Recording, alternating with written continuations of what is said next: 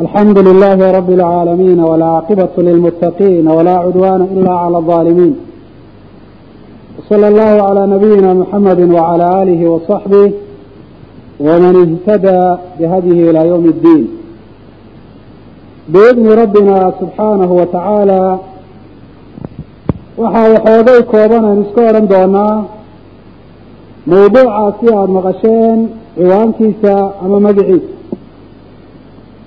waman ya'man ilbalaa bacda ibraahim yaa balaayo ka aamin noqon kara nebi ibraahim uu ka ducaystay waxaa laga yaabaa ciwaankaasi dad fara badani markii ay arkeen xaqiiqada aynu uga jeedno mid aan ahayn inay ka fahmeen oo ay u qaateen balaayada imtixaanaadka dadka ku dhaca ee kaga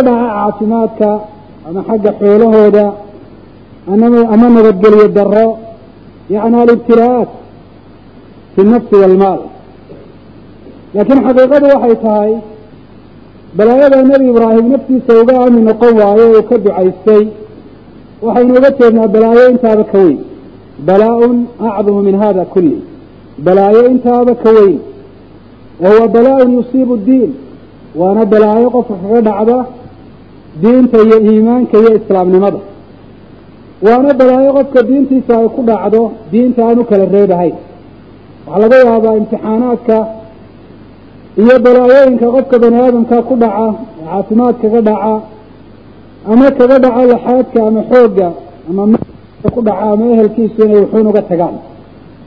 Laakin hada albalaau laa yubqi walaa yadar. Haddii qofka diintiisa uu kaga dhaco waxba ka reebi maayo waxbana ka tegi maayo.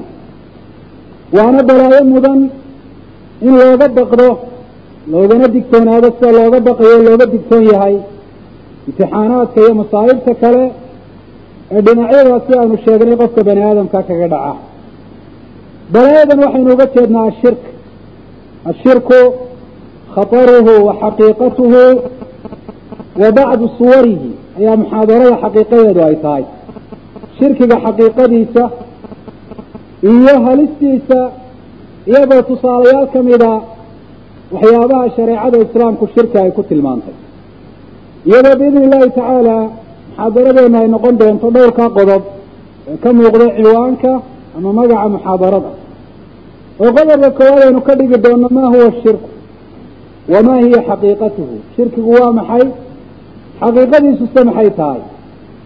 Qodobka labaadna aynu ka dhigi doono akhtaaru shirk wamaa yataratabu calayhi fi dunya waalaakhira halisaha shirkigu uu leeyahay iyo waxaa shirkiga ka dhasha adduun iyo aakhiraba qodobka saddexaad waxaaynu ka dhigi doonaa hal yumkin an yaqaca ashirku min almuslim aladi kana muwaxidan suurtagal ma tahay qof hore muslim muwaxida u ahaan jiray inuu shirki ku dhaco wa calayhi iyadoo taa la eegaayo ma la gudboon tahay qofku isagoo muslim oo muwaxida oo markaa shirkiba aan ku sifaysnayn inuu shirkiga ka digtoonaado.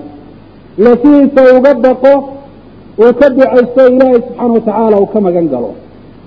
Qodobka u dambeeya waxaa biidni illahi tacaala uu noqon doonaa bacdu suwari shirk alwaarida fi lqur'aani wasunna shirkiga noocyadiisa wax ka mid a oo qur'aanka iyo sunnada rasuulka calayhi salaatu wasalaam lagu sheegay iyadoo laga digaayo oo la xaaraantimeynaayo waxa aynu tusaalayaashaasi u horraysiin doonaa haddii waktigu insha allahu tacaala uu inoo baaqi ahaado qaar kalena waynu ku dari doonaaye ashirku fi ducaa iyo ashirku fi dabx.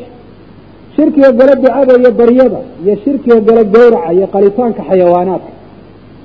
Sababta aynu labadaasi u dooranno waxay tahay adducaau waadabx waa cibaadataani cadiimataan min ajali alcibaadaat waa laba cibaado oo waaweyn oo cibaadaadka kuwa u waaweyn ka mida oo ilaahay subxaana watacaala haddii loogu cibaadaysto maqaad iyo darajo sare lagu gaadho haddii cid kale loo leexiyana noqonaayo ficil la sameeyo ka u xun una fool xun uguna halisaysan qofkana halis gelinayo fi dunya waalaakhira waxaa kaloo labadaasi aynu ku doorannay waa labada u badan ee shirkigu uu galo fii beladina haada. Oo dadka qaarkood waxa ay ku dhacaan ashirku fi ducaa qaarkoodna ashirku fi dabx ayay ku dhacaan. Tusaalayaalla biidni illahi tacala waynu ka bixin doonaa.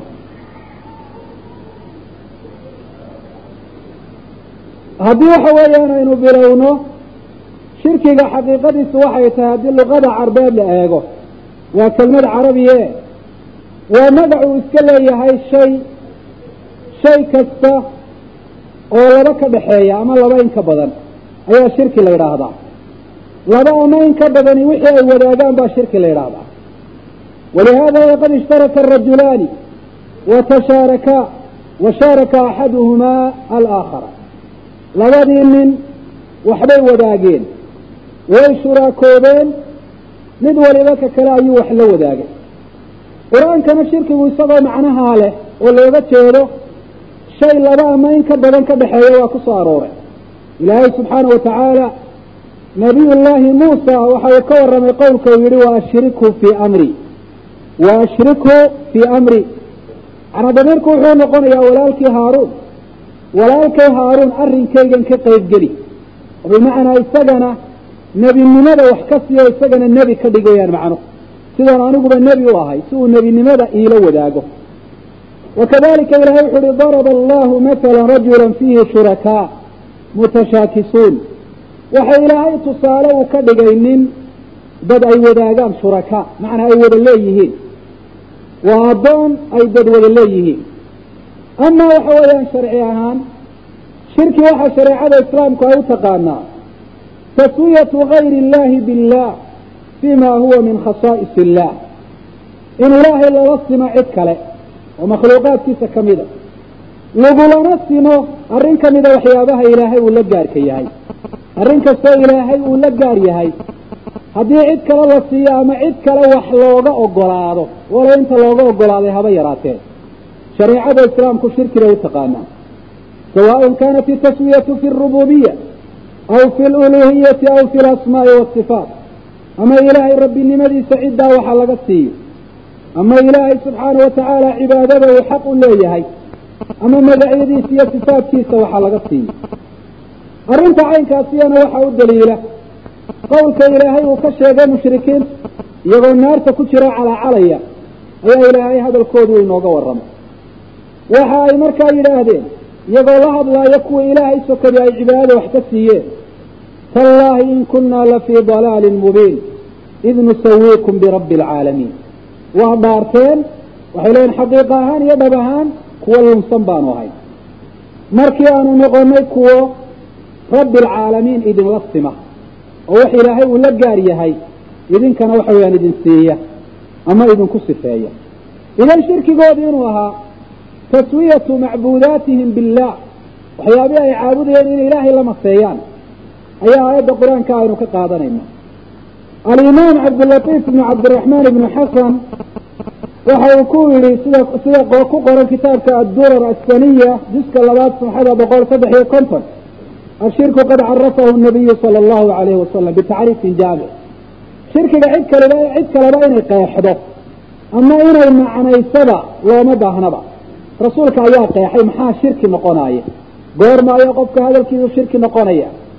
Ama ictiqaadkiisu ama ficilkiisu rasuulka ayaa calayhi salaatu wasalaam macneeyo qeexay. Weliba tacriif jaamica qeexitaan. Shirkiga noocyadiis oo dhami ay soo gudagelayaan. Wixii aan shirki ahayn in aanay soo gelahayn. Kama fi xadiidi ibni mascuudi radi allahu canhu anahu qaal ya rasuula allahi ayu dembi acdam? Waxaa rasuulka calayhi salaatu wasalaam la weydiiyey dembi bani aadam sameeyo. Keeda u weyn. Faqaala calayhi salaatu wasalaam an tajcala lilahi niddan wa huwa khalaqak dembi waxa u weyn inaad ilaahay u yeesho mid aada la maseynayso oo aada la simayso iyadoo ilaahay uu yahay ka ku abuuray. Oo bimacnaa taa aan kaa mudnayn anniddu waa almathal waashabiih waa inaad ilaahay u yeesho mid aad kala mid dhigayso walow qadiya mucayanaba aad kagala mid dhigtid be ama midaad ilaahay ku shabahaysa subxaana wa tacaala. Qaala faman sarafa shay-an min alcibaadaati ligayri illah faqad ashraka bihi shirkan yubtilu tawxiida wa yunaafiih qofka cibaado hal cibaadana ha noqotee walow hal marna ha noqotee ilaahay cid aan ahayn u leexiya. Kaasi ciddaasu ilaahay la maseeyey oo masalada uu kula maseeyey oo masaladaasi marka laga hadlaayo kaas buu ilaahay ku shabahay oo ilaahay uu kala mid dhigay. Waxaanuu sameeyey shirki tawxiidka burinaaye islaamnimada oo ka hor imanaya si cad. Waxaynu ogsoonnahay walaalayaal ilaahay baynu subxaana watacaala addooma u nahay. Ilaahayna ujeeddada uu inoo abuuray waa inaynu keliyeyno waa inaynu caabudno cibaado aynu ku keliyeynayno. Wamaa khalaqtu ljina waalinsa ilaa liyacbuduun ilaahay baa sidaas yidhi jin iyo insi wax kale umaan abuurin inay caabudaan mooyaane cibaado ay ugu keliyeynayaan. Maxaa haddaba cibaado ah? Hadal kasta iyo ficil kasta iyo caqiide kasta oo sharcigu uu ina faray ayaa cibaado ah hadal kasta iyo ficil kasta iyo caqiide kastaoo sharcigu ina faray waa cibaado. Haddii ilaahay loo sameeyo in ilaahay la caabuday bay noqonaysa haddii cid kale la siiyo ama wax laga siiyana in ciddaa la caabuday bay noqonaysa adigu magaca dooni siduu la baxay. Mar hadduu shaygani yahay cibaado marka ilaahay ilaahay loo sameeyo haddii cid kale loo sameeyana wuxuu noqonayaa cibaado ciddaa loo sameeyey.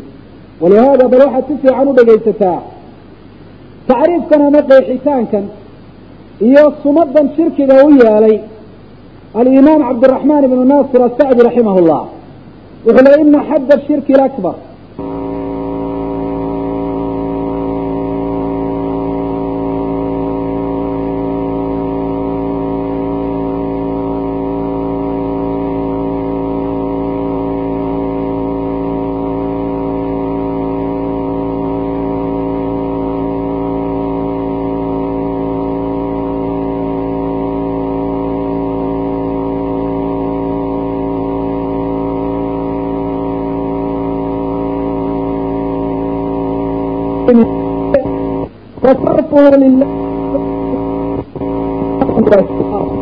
wasarfuhu ligayrihi caqiide kasta iyo hadal kasta iyo camal kasta oo ay sugnaatay shaaricu inuuna amray ilaahay haddii loo sameeyo kelidii waa tawxiid waa iimaan waa ikhlaas waa cibaada lilah haddii cid kale loo sameeyana waa shirkun wa kufrun waa shirki iyo gaalnimo dad fara badani waxay u haystaan? Qofku inaanu mushrik noqon ahayn mid shirki ku dhacay inaanu noqon ahayn. Ilaa uu makhluuqa ilaahay dhinac walba kala simo kaasina waa faham khaldan oo aayaadka iyo axaadiistaba khilaafsan. Horena waynu u ishaarro waynu tilmaanay qofku hadduu idhaha makhluuqani ilaahay dhinac walba kala mid buu yahay. Wax kastoo ilaahay uu mutaystay waa mutaystay. Taasi waa shirki haddii arrin qura qodob qura qodobada kaleo dhan hadduu ilaahay u gaar yeelo laakiin qodob qura uu khaaliqayo makhluuqa ka dhaxaysiiyo ama uu ka simo isagoo laftiisana shirki buu noqonaya. Siduu lehay shekh islaam ibnu taymiya raximahullah caalamkaba laguma arag qof yidhi makhluuq baa khaaliqa dhinac walba kala mid a dadkan shirkiga ku dhacay oo dhami masaynta ay makhluuqaadka la maseeyeen allaha khaaliqaa waa wejiyada qaarkood iyo masaa-isha qaarkoodu dhinacyada qaarkoodna waxay ka lahayn ilahay baa arrintaa la gaara waxyaabaha qaarkoodna ilaahay iyo makhluuqay ka dhexaysiinayeen haddana mushrikiin bay taa ku noqdeen. Marka lama shardiyo simitaankan khaaliq iyo makhluuqa marka la simo shirki ay noqonayso in dhinac walba laga simo lama shardiyo. Iyo in cibaadaadkao dhan loo leexiyo makhluuqa. Bal haddii wajiyada qaarkood laga simo khaaliq iyo makhluuqa.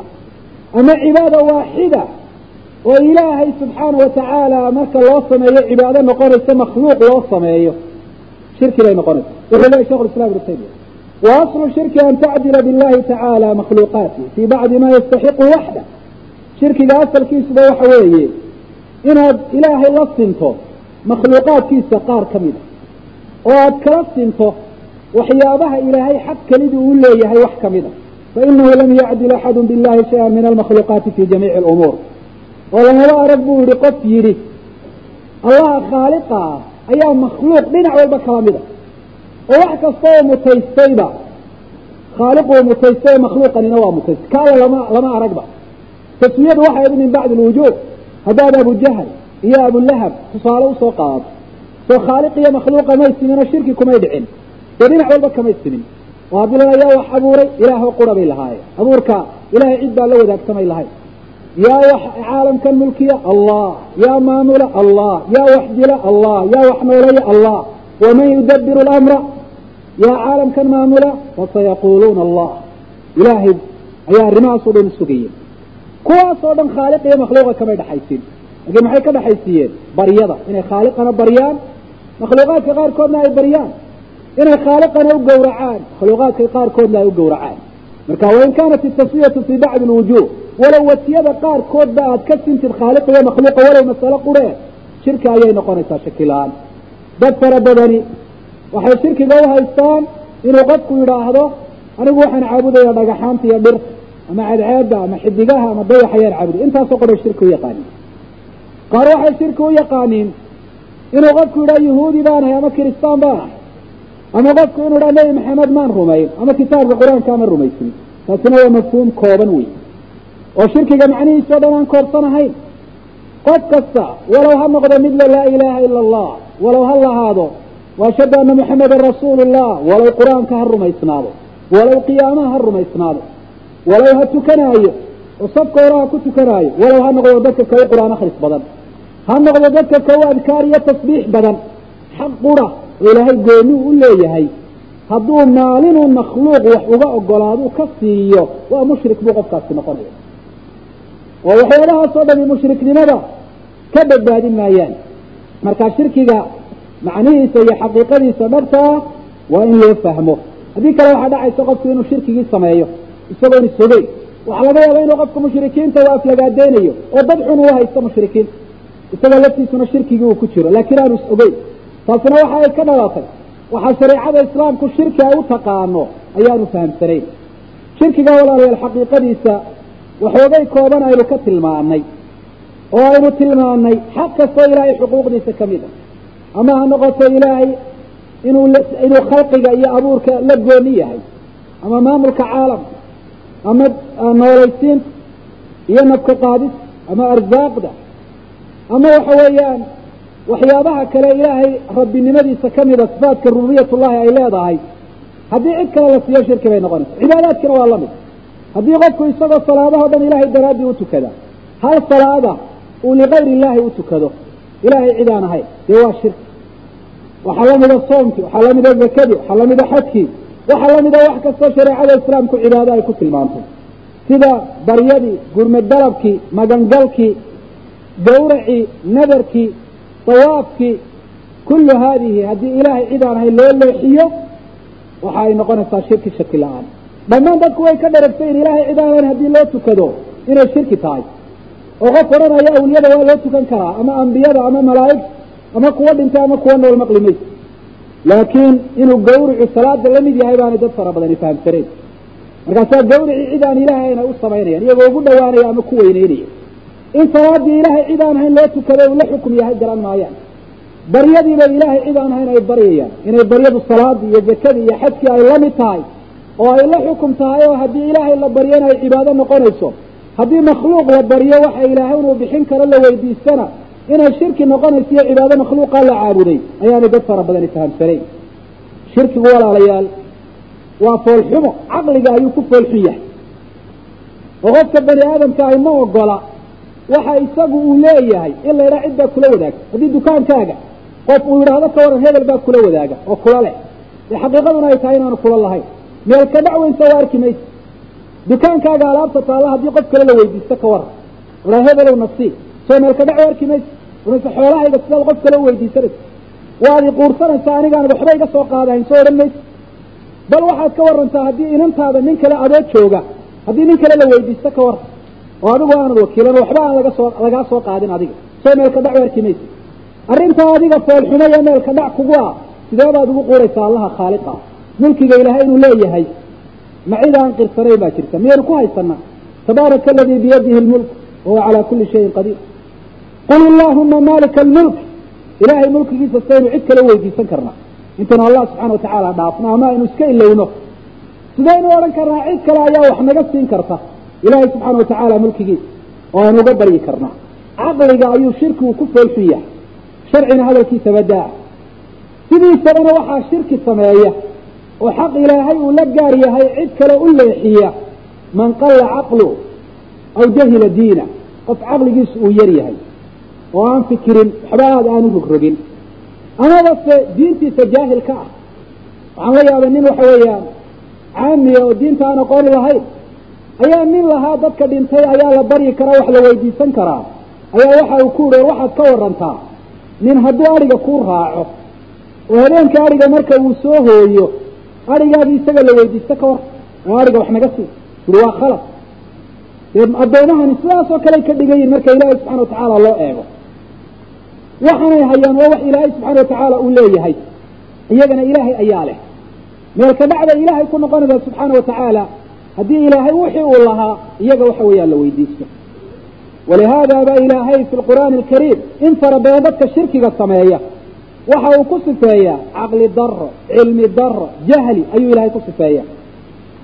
Bal hum qawmun laa yacqiluun bal hum qawmun yajhaluun bal hum qawmun laa yaclamuun. Kuwan shirkiga samaynaya waa kuwa aan caqli lahayn waa kuwa aan waxba garanahayn waa kuwa juhaala. Marka qofku xataa haddaanu cilmi lahayn oo caqligiisa uu ka shaqaysiiyo waxyaabo fara badan oo shirkiyaada waa garan karaa walihaada dadka caqlaaniyiintaa ee caqliga aada waxa weeyaan u cizeeya ee dee mararka qaarkood sharcigiba ka hormariya waxyaabaha khuraafaadka iyo shirkiyaadka aad bay uga fog yihiin waayo wax caqligu diidaya waxyaabahaas. Oo ninkii dhintay ee adigu aada kafantay ee aada aastaad xabaasha dhigtay ee xaaskiisii la dumaalay ama la guursaday ee xoolihiisii la dhaxlay ee mansibkiisii cid kale loo magacaabay ayaan baryayaayo wax ii taraaya caqliga ayaa diidaya intaan cilmiba la gaadhinba shirkiga waxaa la yidhaahdaa wuxuu leeyahay haliso badan buu leeyahy oo qofka muslimka ahi marka uu maqlo ku dhalin karta aada inuu uga baqdo oo aada uga digtoonaado oo uu barto afraaddiisa iyo tafaasiishiisa si uu isaga ilaaliyo. Shirkigu waa dembiga u weyn ee ilaahay subxaana watacaala lagu caasiyo. Waa khaladka u weyn iyo gafka u weyn ee ilaahay laga galo.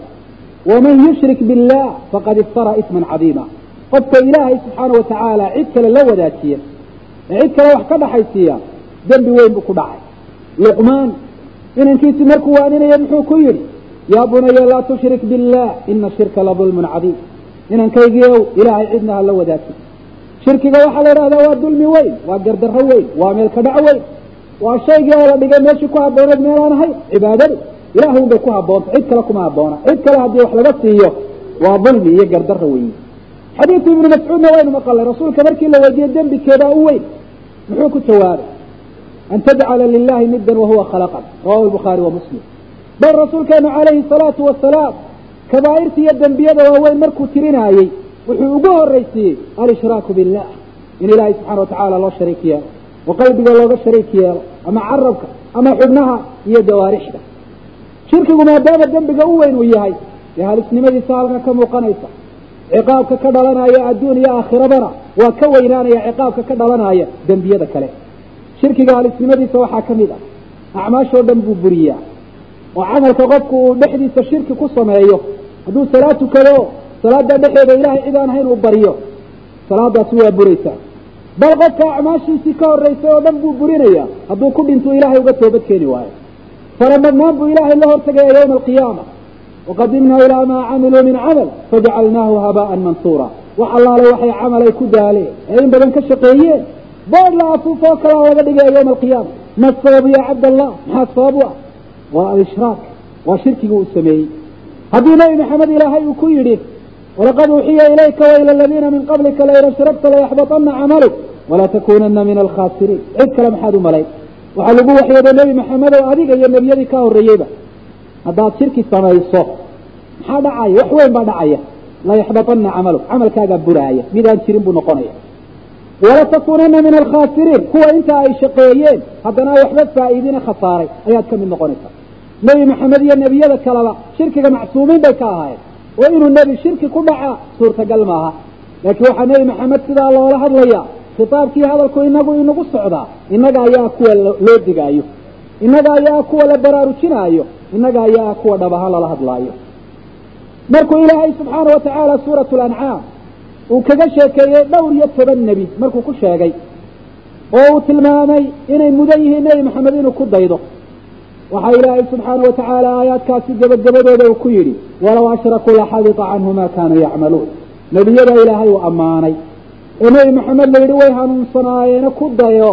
Haddii in yaroo shirkiya ay samayn lahaayeen wax allaale wixii camal ay qabteen oo dhami waa ka buri lahaa hadda waa ambiyadii maxaad umalaynaysaa qof kale. Haddii ambiyadu haddii laga soo qaado ma dhici kartee.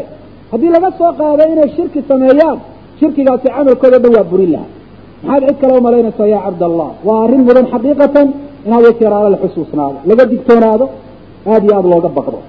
Shirkigu camalkaaga marka la eego wuxuu uga dhigan yahay sida wayse jabku waysadaada uga dhigan yahay haddaad si fiican oo dhamaystiran u weysaysato oo shay kamida ashyaada waysada buriya uu kugu dhaco maxaa dhacaya? Waysadii ma jiraysa? Waa maya. Salaad ma ku tukan karta? Waa maya. Nafciyo waxtar miyay ku leeda? Waa maya. Shirkiguna waa taas oo kale. Mar allaale iyo marka camalka uu galo ama uu ka daba tago sida wayse jabku waysada u buriyo ayuu camalkii oo islaamnimadaadi iyo iimaankaagu u horeeyo uu shirkigu u burinaya. Qofku inta uu mushrik yahay camal laga aqbali maayo xataa acmaasha khayrka uu sameeyo laga aqbali maayo hadduu sadaqad la baxo hadduu soomo hadduu xajiyo intaaba waa samayn jireen mushrikiinta abujahl iyo abulahab iyo raggii la mid ah waa soomi jireen waa tukan jireen wamaa kaanat salaatuhum cinda albeyti ilaa mukaan wa waa soo saas oo kale sadaqad bay la bixi jireen waa xajiyi jireen ilaa bayt illahi alxaraam waa dawaafi jireen wa kaanuu yadcuuna allah ilahay bay beri jireen haddana camalkoodaasi mid aan jirin inuu yahay buu ilahay subxana watacala ka warramay ilaa shirkiga qofku uu ka tagu ilaahay keliyeeyo. Camal kasta laga aqbali maayo. wamaa manacahum an tuqbala minhum nafaqaatuhum ilaa anahum kafaruu billahi wa birasuuli nafaqadii iyo sadaqadii laga aqbalo maxaa diiday? Ilahay bay ka kufriyeen. Marka man kafara billah qofka shirki sameeyna laa shaka inuu ilahay ka kufriyey. Laga aqbali maayo. Imaam muslim wuxuu oranaya min xadiisi abi hurayra.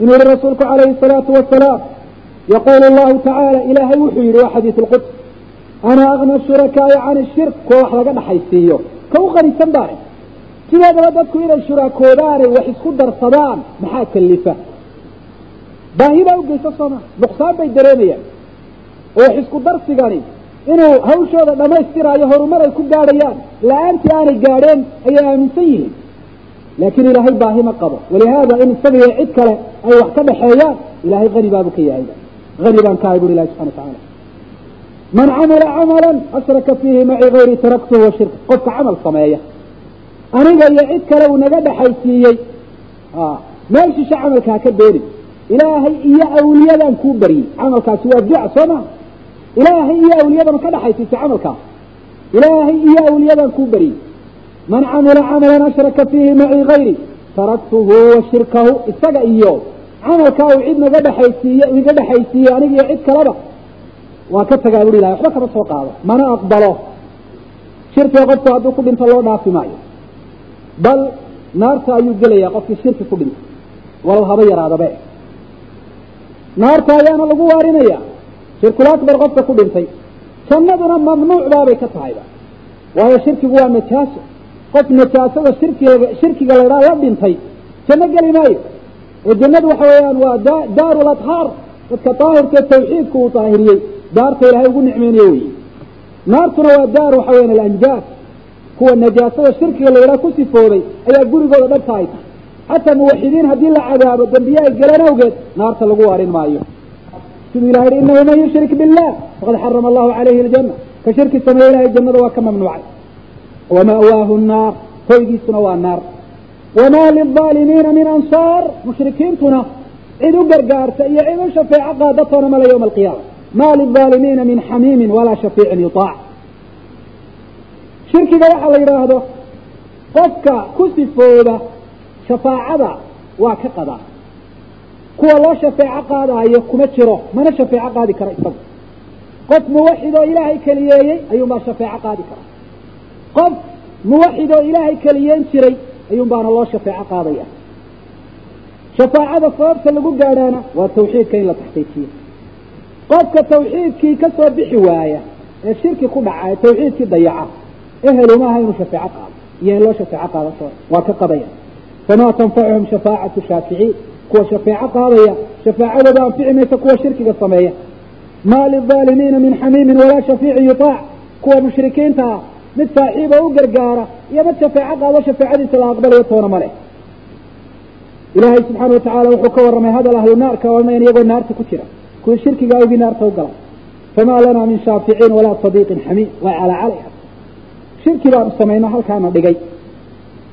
Cid loo shafeeco qaadana ma haysano waayo shirkigaa shafaacadii ka hor taagan wala sadiiqin xamiid saaxiib saaxiibtinimadiisu aada u dhowdahayo maanta saaxiibtinimo wax noogu taraayo noo gargaarayaana haba yaraate ma jira bay yidhahdeen. Axkaam fara badan ayaa intaan aakhirada la gaadhin inta adduunyada la joogo shirkiga waxa la dhaha ka dhalanaysa. Axkaamtaasi waxaa ka mid a u horreeya shirkigu waa naaqid min nawaaqid alislaam. Qofku hal noocoo shirkiga ka mid a hadduu la yimaado hadal shirkiga hadduu ku hadlo. Samayn jireen markaama dumarku ay samayn jireen marka waxa weeyaan ay hawshooda dhamaystaan iyo waxay sitaad ku tilmaamaan oo shiicada aan ku arkay iyagoo akriyaya xagga shiicadu kolley naga soo gaadheen shiicada magaalada sacdo la yidhaha degan baan arkay iyagoo akriyaya waxa sitaadkaas. Ayaa waxay odhan jireen xaaway xareed xaaway xareed xaaway xareed. Bal adigu macnee adaan kuu dhiibay xaaway xareed macneed waa maxay ya? Xaaway xareedkan somaa macneedu xaaway xareedkan wey marka xaawa xareed la weydiisanaya halkay markay nooleed ba markay nooleed ayaana xareed keeni karahay? Iyadoo dhimatay waxa weya maxaad umalaynaysaa waxaa la mid a in waxa weeyaan kashfu lkurubaat dhibaatooyinka ku haysta ilaahay cidaan inaad ka dalabto inuu kaa dulqaado. War dhibaatada ilaahay baa qaada. Ilahay baa subxaana watacaala yihi aman yujiibu lmubdara ida dacaahu wayakshifu suu wayajcalukum khulafaa alard ailaahu maca allah. Ka dhibaataysanka a jira dhibaatada ka dulqaadaa ee dhulkana bani aadamow idin dejiyey idin dhiibay waa ilaahay haddaba qofka yidhaa cidaan ilaahay baa ayaa dhibka dadka ka dulqaada oo ka xayuubiya. Ilaahay ilaahaan ahayn buu sugay. Walihada aayadda waxaa lagu gebagabeeyey bale ilaahun maca allah waxaa ka mid a waxa weeyaan waxyaabaha saas oo kale dadkeenu ay ku ducaysan jireen beledkeenna gaar ahaan waxa weeyaan dumarku marka ay samaynayaan kabadda iyo iyo cawska iyo waxyaabahaas. Waxay odhan jireen sheekha maydh yaalow sheekh isxaaqow awowow shar naga hay. Sheekha maydh yaal macanaa xataa maydh ku aasan la odhan maayo afkaa laga dhawraya kaanama inuu nool yahay oo halkaa uu degan yahay. Sheekha maydh yaalow sheekh isxaaqow awowow shar naga hay waa shar oo dhan ba naga hay. Laa sharka yaa haya. Wain yamsaska allahu bidurin falaa kaashifa lahu ilaa hu wain yuridka bkhayri falaa radda lifadli yusiibu bihi man yashaau min cibaadi hadduu ilaahay dhib ku taabsiiyo laa sheekh isaxaaq walaa sheekh kalaan kaa dulqaadahay. Ilahun baa kaa dulqaadi kara ilaahay bari oo weydiisa subxaana watacaala hadduu ilaahay khayr kula doonana haddii khalqi oo dham isu yimaadaan ma celin karaan. Ilaahay un baa khayrka cid ula damco waxa weeyaan ula doono. Ilahay baa subxana watacaala siiya waxaa ducadu ay shirki noqonaysaa baryadu. Marka la baryo mid dhintay bal hadda arrintaa u fiirsada maxay tahay sababta baryada qof dhintay la baryaa ay shirki u noqonayso? Waxay shirki u noqonaysaa qofkan qofka dhintay baryaya horta muxuu aaminsan yahi ma aaminsan horta inuu maqlaayo? Dee ka jawaaba. Inuu maqlayo ma aaminsan yahi mise de cidluun buu iska dhadhawaaqaya cid aan maqlayn buu u yeeraya mar kale inuu qofkan dhintayna u maqlaayo. Ila mid dhinto hadduu doono meel fog ku aasan ayuu u yeedhaya uu baryaya. Ilahay un baa subxaana watacaala meel dhow iyo meel fog ba wax ka maqla ilaahay baa subxaana watacaala samciisu meel walba u gaadhaa. Qofka yidhaahda qof nool ama dhintay oo meel iga fog jooga ay maqlaaya oo baryadan maqlaaya sifadii ilaahay ahayd asamcu waasi maqalka ballaaran ayuu makhluuqaas ma aaminsan yahay in makhluuqaasi waxa maqan iyo qeybka uu og yahay? Oo marka adigoo tusaalaan hargeysa jooga caydaruuska cadan ku aasan ama jaylaaniga baqdaad ku aasan aada baryayso marka hore ma ictiqaadsan tahay inuu sheekhaasi waxyaabaha maqane tusaale ahaan dayla hargeysa waxaa ka dhacaya waa wax isaa ka maqan soo maaha. Waxa maqan inuu og yahay baad marka hore aamintay. Sifadii ilahay baad siisay qul laa yaclamu man fi samaawaati waalardi algayba ila allah. Waxaa maqan ee sama ku maqan ama dhul ku maqan ilaahay ayuunba og. Cid kale ogi ma jirto. Qof kale cid kale og shirki iyo kufriya gaalima ayuu ku dhacay. Ma aamintay qof dhintay marka aad baryayso. In qofkaasi dhintay isagoo dhintay hadda la aasay weli haddana adduunyada uu ka sii shaqaynayo oo weli uu shaqaysan karo. Illa hadduu kuu gargaaro miyaanu shaqaysan hadduu kuu kaalmeeyo miyaanu shaqaysan ninkii la aasay ee xabaasha ku jira. Marka waxaad aaminsantahay weli camalkiisa inaanu goyn. Nabi maxamedna muxuu yihi calayhi salaatu wasalaam sida muslim warinayo idaa maata ibnu aadam inqaطca camalu ila min halaaث bani aadam hadduu dhinto camalkiisu waa go-a adduunyada wax dambuu ka qabsan karaa ma jirto. Saddex arrimood oo camalkiisii hore ka mid a ayuun baa u sii soconaya. Cilmi dadka uu baro lagu intifaaco ajarkiisa waa u soconaya sadaqad uu bixiyo weli lagu sii intifaaco ajarkeedu waa u soconaya. Walad saalix oo uu ka tego u duceeya taasina waa ducadaasina waa gaaraysa lakiin adigu waxaad leedahay ninkii dhintaba weli adduunyada ka shaqaysanaya oo dadka baadida bahalka uga celinaya oo kuwa buka bogsiinaya oo waxa weeyaan kii u yeedhaba u imanaayo ka doontu la qarqoonto markiiba intuu u yimaado qarqarka qabanaya meeshii dawoshantayna markiiba awdaaya weli waa nin shaqaysanaya waa dhinta haddana weli waa shaqaysanaya. Waa ninkii yidhi waa waanaynu fadhinaa buui waanaynu carrawsanah waa dhinto waa aasan yahay. Haddana adduunyadii weli ka shaqaysanaya oo acmaal waxa weeyaan uu ka qabanaya. La xadiidka rasuulka alayh salatu wasalaam bay khilaafsanta inuu adduunyadii ku tasarufayo aad aaminto isagoo dhintay. Taasina caqligaabay khilaafsan tahayba. Intaan sharciba la gaadhinba siduu adduunya ugu tasarufaya muxuu marka la aasay maxaa xaaskiisi nin kale u guursaday? Hadduu adduunyada iska imanayo oo adiga wuxuu ku qabanayo reerkiisa miyuu isaga soo hoyda ku yar maxaa loo dhexal wareejiyey? Xoolihiisa baylahadu isaguba ka ilaalin lahaaye maxaa cid kale loogu wareejiyey? Hadduu suldaan ahaa miyaan mid kale la magacaabin mar hadduu adduunyadii weli ka shaqaynaya waxuu ka qaban karo. Isagoo xabaasha ku jira reerka suldaan ha ahaade miyaa la daayo. Hadduu madaxweyne ahaa maxamed xaaji ibraahim cigaal markuu dhintay miyaan madaxweyne kale la dooran. Hadduu xabaasha madaxweyne ka soo noqon karayo halkaa wuxuu ka soo maamuli karayo. Maxaa madaxweyne kale inoo geeyey? Macnaa hawshaa isagu ma qaban karo wayaan soo maha macneed marka caqligaaba diidaayada. Intaan cilmiba waxa weeyaan aan la gaadhin ka maqanna waa sidaas oo kale. Qof kaa maqan inaad barido. Waxaad aaminsantay dee inuu maqalkiisu waasiciyey sida ka ilaahay oo kale inuu qeybka og yahay in isagoo meel ka maqan haddana tasaruf uu ku yeelan karo toosa. Oo sifaad ilaahay uu leeyahy baad makhluuqaasi. Waxaa ka mida baryada shirkiga ah inaad baryadaad ilaahay baryaysa aad tiraa cid baan sii marinaya. Oo cibaadada adiga iyo ilaahay cid idiin dhaxayso aada yeesho xagga cibaadada. Ad tiraa ciddaasaa noo dhaxayso cibaadadu ay sii marayso taasina waa shirki culimaduna waa isku waafaqsan yihiin. Sida insha allahu tacala aynu akrii doono hadalka sheikh lislaam ibnu taymiya raximah llahu tacaala. Haddaba baryada siyaabaha aynu sheegnay u dhacdaa inay shirki tahay maxaa u daliila? Inagu ilahay kitaabkiisa aynu daliishanayna qur'aanka iyo axaadiisa rasuulka ilaahay subxaana watacaala baryada la baryaayo cid aan isaga ahayn wuxuu ku tilmaamay inay tahay shirki. Ilahay baa subxaana watacaala wuxuu yidhi inay tahay cibaado la caabudayo ciddaas ilaahay subxaana watacaala wuxu uhi waman adalu miman yadcuu min duni illahi man laa yastajiibu lahu ila ywmi alqiyaama wahum can ducaa'ihim gaafiluun waida xushira annaasu kanuu lahum acda'a wa kanuu bicibaadatihim kaafiriin. Yaa ka baadiyaysan oo ka lumitaan badan ka baryaaya ilaahay sokadii midaan ajiibahay? Ma ajiibayo marka dadka la soo ururiyana maalinta qiyaame yaana beri ka noqonaayo oo cibaadadii waxa weeyaan uu caabudi jiray hadda baryaduu baryi jiray baa lagu tilmaamay inay ta cibaado u caabudi jiray. Odhanaayo anigu shaqo kuma lihi.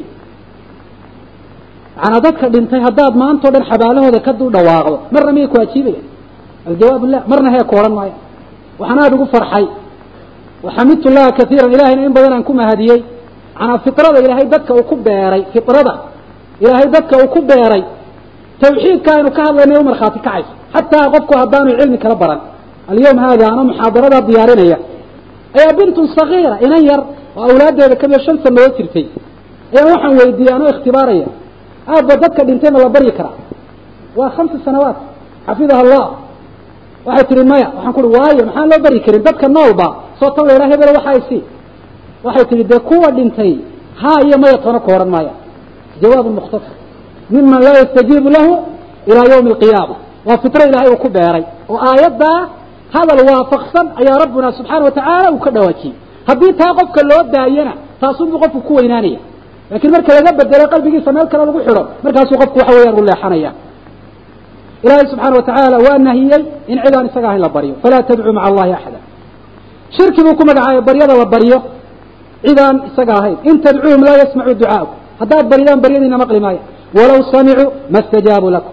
Hadday maqli lahaayna xataa idinma ajiibi karayaan waayo adduunyadan camalkooda tasarufkooda waa ka go-an wa yawma alqiyaamati yakfuruuna bishirkikum maalinta qiyaamana shirkigiina waa baryadii la baryi lahay siday ku tilmaamay beri bay ka noqonayaan ilaahay subxaana watacaala waxa uu ku magacaabay qofka cid aan isaga ahayn baryaaya daalim mushriga walaa tadcu min duuni illahi maa laa yanfacuka walaa yaduruk fain facalta fainaka idan min alaalimiin ilaahay sokadiya ha baryin mid aan waxbana kuu tari kara waxyeelana aan ku geysan karin haddaad sidaa yeesho dhaalimiinta ayaad ka mid tahy yaana mushrikiinta ayaad ka mid tahy ilaahay subxaana watacaala kaafir buu ku magacaabay ka cid aan isaga ahayn baryaaya waman yadcu maca allahi ilahan aakhara laa burhaana lahu bih fainamaa xisaabuhu cinda rabbi inahu laa yuflixu lkafiruun culimada islaamkuna waa isku waafaqsan yihiin qofka cid uu baryaayo ilaahay sokadi oo le cibaadadan sii marinayaa samaystaa inuu kaafiriy bal dhegeysta ijmaac uu soo naqliyo shekh islam ibnu taymiya man asbata wasaa'ita bayna allahi wa bayna khalqi kalwasaa'it alati takunu bayna almuluki wاlraciya fahuwa mushrik ka samaysta cid isaga iyo allah subxaana watacaala iyo khalqigiisa udhaxaysa ka sameeya oo yeesha. Sida boqorada iyo dadka u taliyaan had iyo jeeraale ciddee farrimaha u kala qaada ay ugu dhaxayso. Sidaas oo kale fahuwa mushrik wey bal hada diin lmushrikiin cubaad lawthaan bal taasi waaba diintii mushrikiin.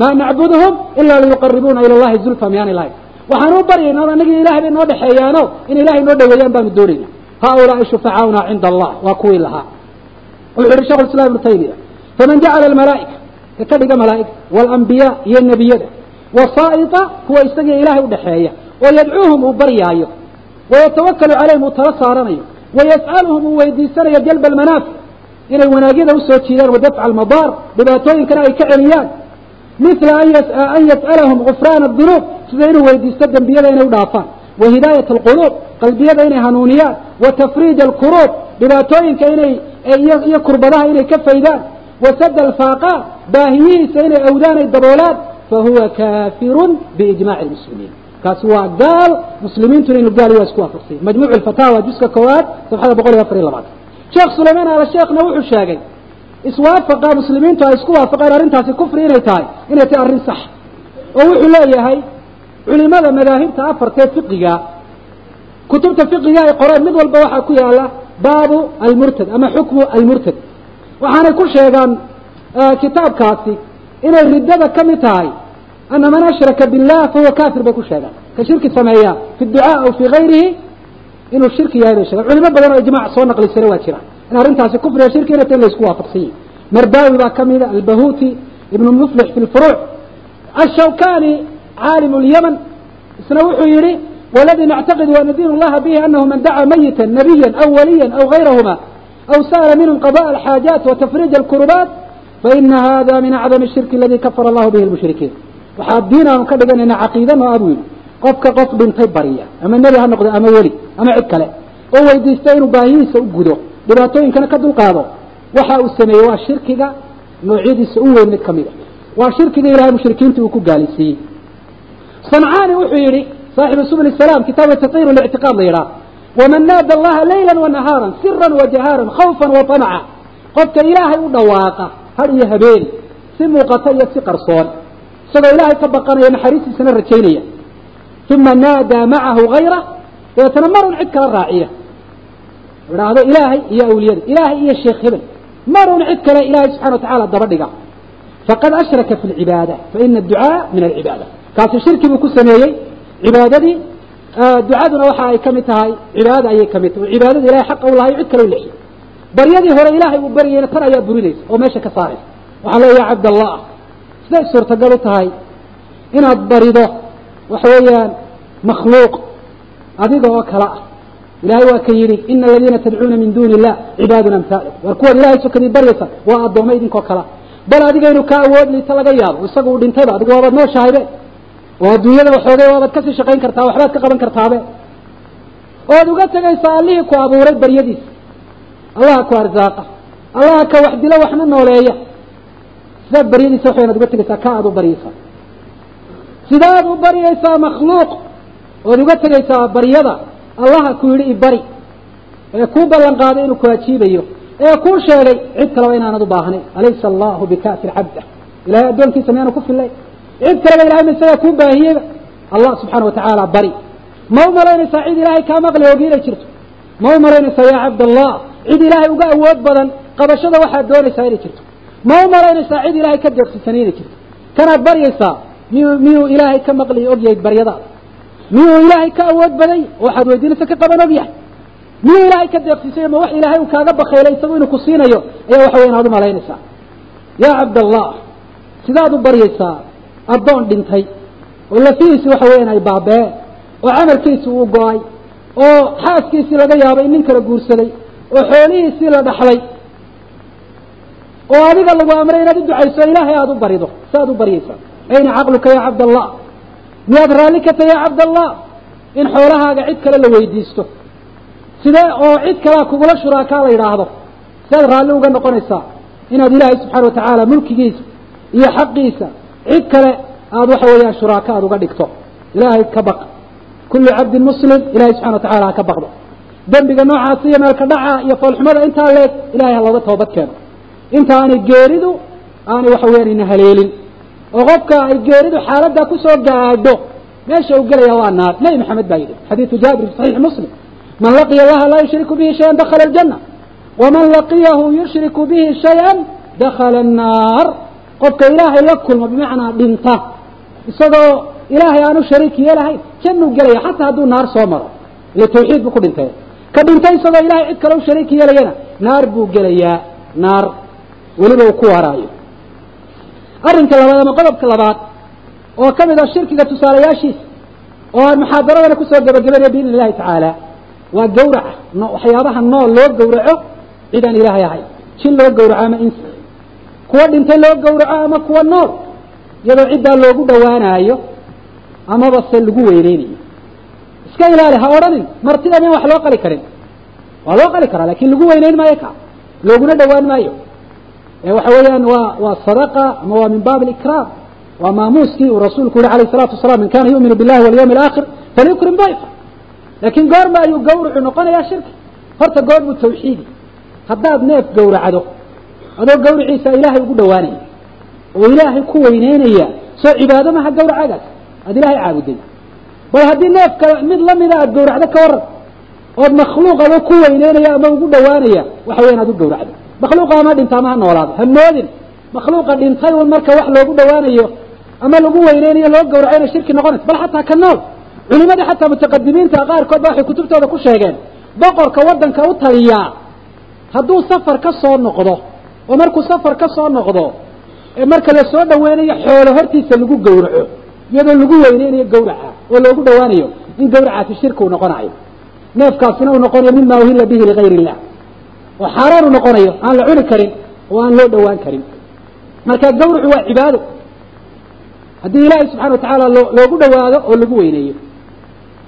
Ilahay baana cibaadada noocaasiyo la gaara salaatii wanusuki wamaxyaaya wamamaati lilahi rabi اlcaalamiin laa shariika lahu wabidalika umirtu ilahay baa yihi waxaad tidhaahdaa salaadayda iyo gawracayda salaadiyo gawricii sida laysu raaciye balay waxaa la rabaa inaad fahamto sida salaada ilaahay ula gaar yahay inuu gawracana la gaar yahay haddaad salaaddii cid kale u leexiso siday shirki u noqonayso gawriciina haddaad cid kale u leexiso inuu shirki noqonayo ilaahay baa la gaara laa shariika lah cid la wadaagtaana ma jirto marka gawraca ilaahay subxaana watacaala loogu dhowaanayo lagu weynanayo waa cibaado cid kale haddii loo leexiyana waa cibaado ciddaasi la caabuday.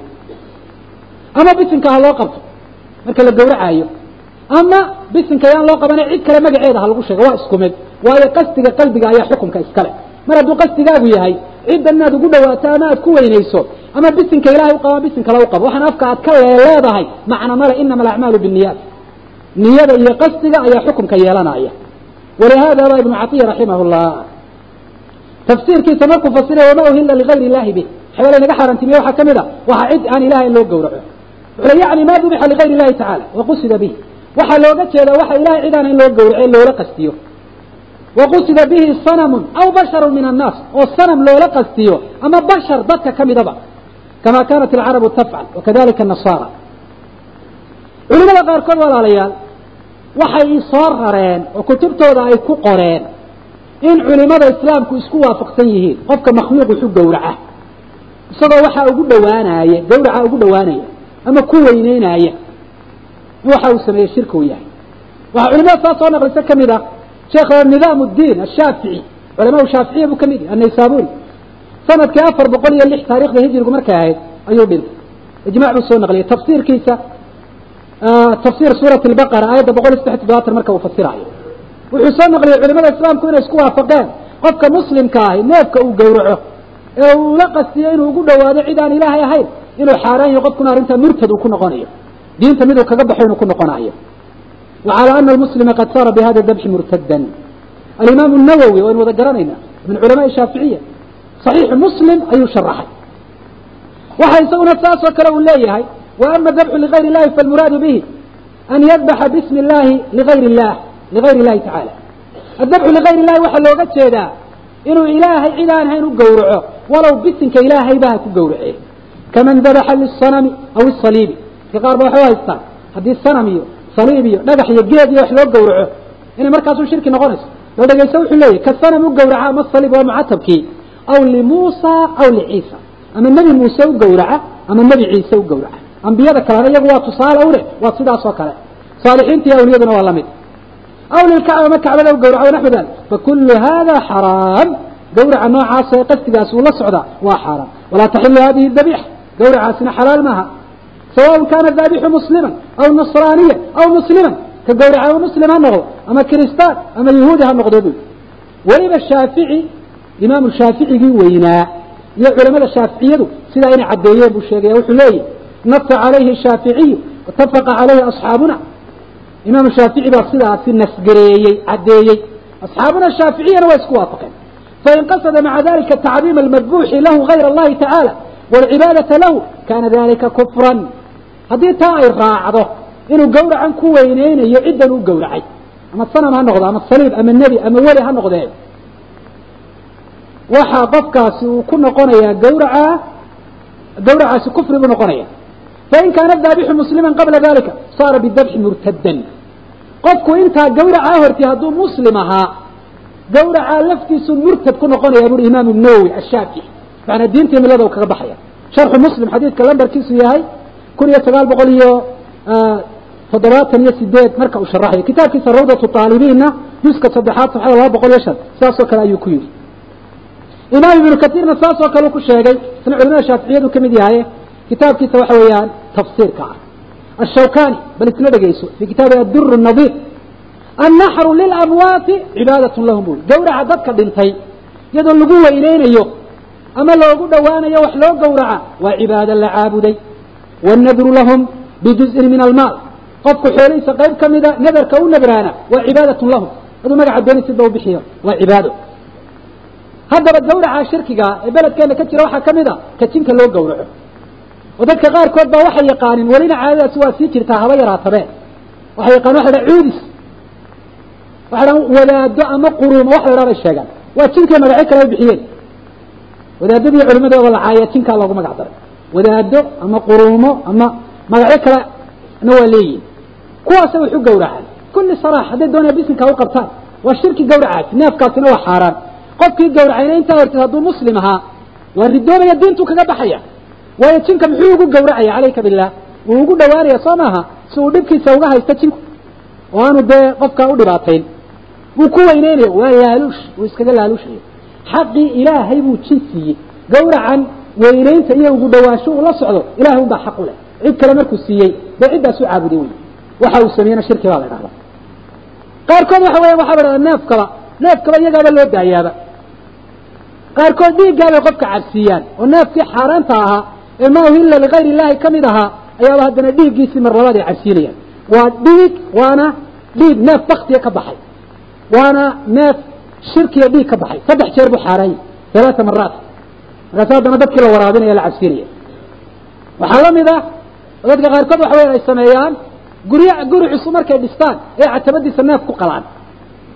Hadday casuumad uga jeedaan iyo iska farxad si caadiya neefka intay u qalaan ayay hilibkana karin lahayen o dadka ay ku casuumi lahayen laakiin catabada gurigaa lagu qalaya ama ama dhiigga guriga dhexdiisa lagu daadinaya. Waa jinkaa dadka laga laga rusheynaya laga laalushayo laleeya waa taa. Intiini waa laydin siiye dadka gurigan degi doona ha dhibaataynina. Waa xaqii ilaahay uu lahaa oo iyaga la siiyey. Waa shirkun sariix. Waxaa la mida kan loo qalaayo xoolahan xabaalaha la dulgeeyo ee siyaarada lagu magacaabo. Waynu ka hadli doonaa dadka qaarkood baa odhanaya anuu sadaqad baan uga jeedaa. Maxaa loo qalaa xoolaha waxaa loo qalaa dadkaasi dhintay xabaalahaasi ku aasan ayaa loogu dhawaanaya lagu weyneynaya wax lagaga doonaya dhibaato lagaga magan gelaya. Taana caddaynteeda meel kaleba lagama doonaye dadka waxa weeyaan sameeyun baa la weydiinaya maxaad u qashaa neefkan?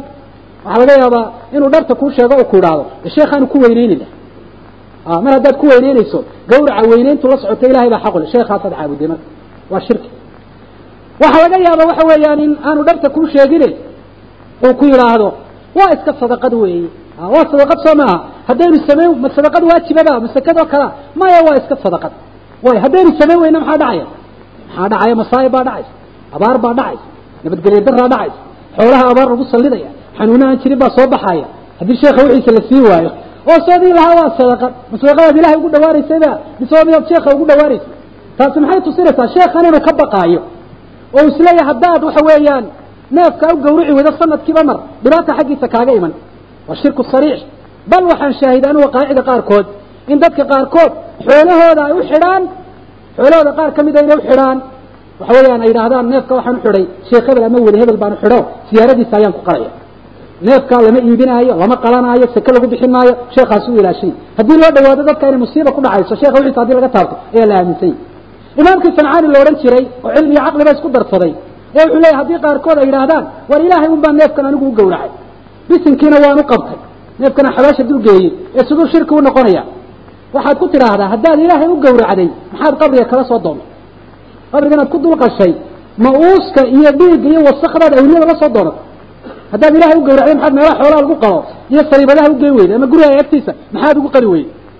Dee suurtagal maaha caqli maaha inuu yidhaahdo ilaahay baan u gawracaye weliga uuska iyo dhiiggun baan la soo doonto qabriga hareeraysu baan wasakaynaya najaaseyni ma yumkin bal xaqiiqadu waxay tahay inuu odhanayo dee sheekhaan ku weyneynaya sheekha ayaan ku weyneynaya inuu yidhaahdo. Sideedabana wax mar haddaad sheekha ku weyneynayso waa gawrici shirkigaa wax xidhiidha oo sadaqada iyo xabaalaha ka dhexeeya ma jiro. War sadaqada inagu diidi mayno. Ama hilib ha noqdo ama wax kale ha noqdo ilahay daraaddi u bixi. Waalidkaa oo dhintay intaad neef gawracdo ama wax kale aad samayso ilaahay daraaddii aad u qasho inuu ajarka ilaahay gaadhsiiyo. Cid kuu diidanaysaa ma jirto laakiin bal iga dhaadhici cilaaqada iyo xidhiirka ka dhexeeya sadaqada iyo xabaalaha hadduu sadaqad yahay maxaad safarka ka gelisay maxaad xabaalaha dushooda kala doontay? Sheekh inaad ku weyneynaysa aad ugu dhawaanaysa. Waxbana kama duwana xoolihii la soo kaxayn jiray asnaamta la dul keeni jiray oo asnaamtaasina waxay magaciyaal u ahaayeen dad wanaagsan oo awliye ahaan jiray dhismayaashan iyo qubadahanina dad wanaagsan ayay magaciyaal u yihiin baa la leeyahy marka wax farqiga haba yaraata udhexeeya ma jiro. Waxaan ku gabagabaynayaa wuxuu nacdalay nebi maxamed calayhi salaatu wasalaam qofka ilahay cid aanay muxu gowraca lacana allahu man dabaxa ligayr illah. Rawahu muslim min xadiisi cali. Nacdasha markaa ha la ilaaliyo gowracyada noocaasi aynu tusaalaynayna ha laga digtoonaado. Ilahi subxana watacala khayrka wanaagga hayna waafajiyo. Kolley waxaad dareemaysaan qodobo badan oo shirkiga iyo khuraafaadka cilaaqada li muxaadarada inay ka maqan yihiin. Lakin insha allah ilahay hadduu fududeeyo muxaadaro kale oo ku saabsan waxa weeyaan almamnuuc walmashruuc min ziyaarati alqubuur. Maxaa mashruuc ka ah maxaase mamnuuca? Booqashada xabaalaha. Oo iyadana waxyaaba fara badan oo shirkiyaad iyo khuraafaad ay galeen ayaa insha allahu tacaala inoo dambaysa oo marka ilahay u fududeeya anu jeedin doona wallahu aclam sala allahu ala nabiyina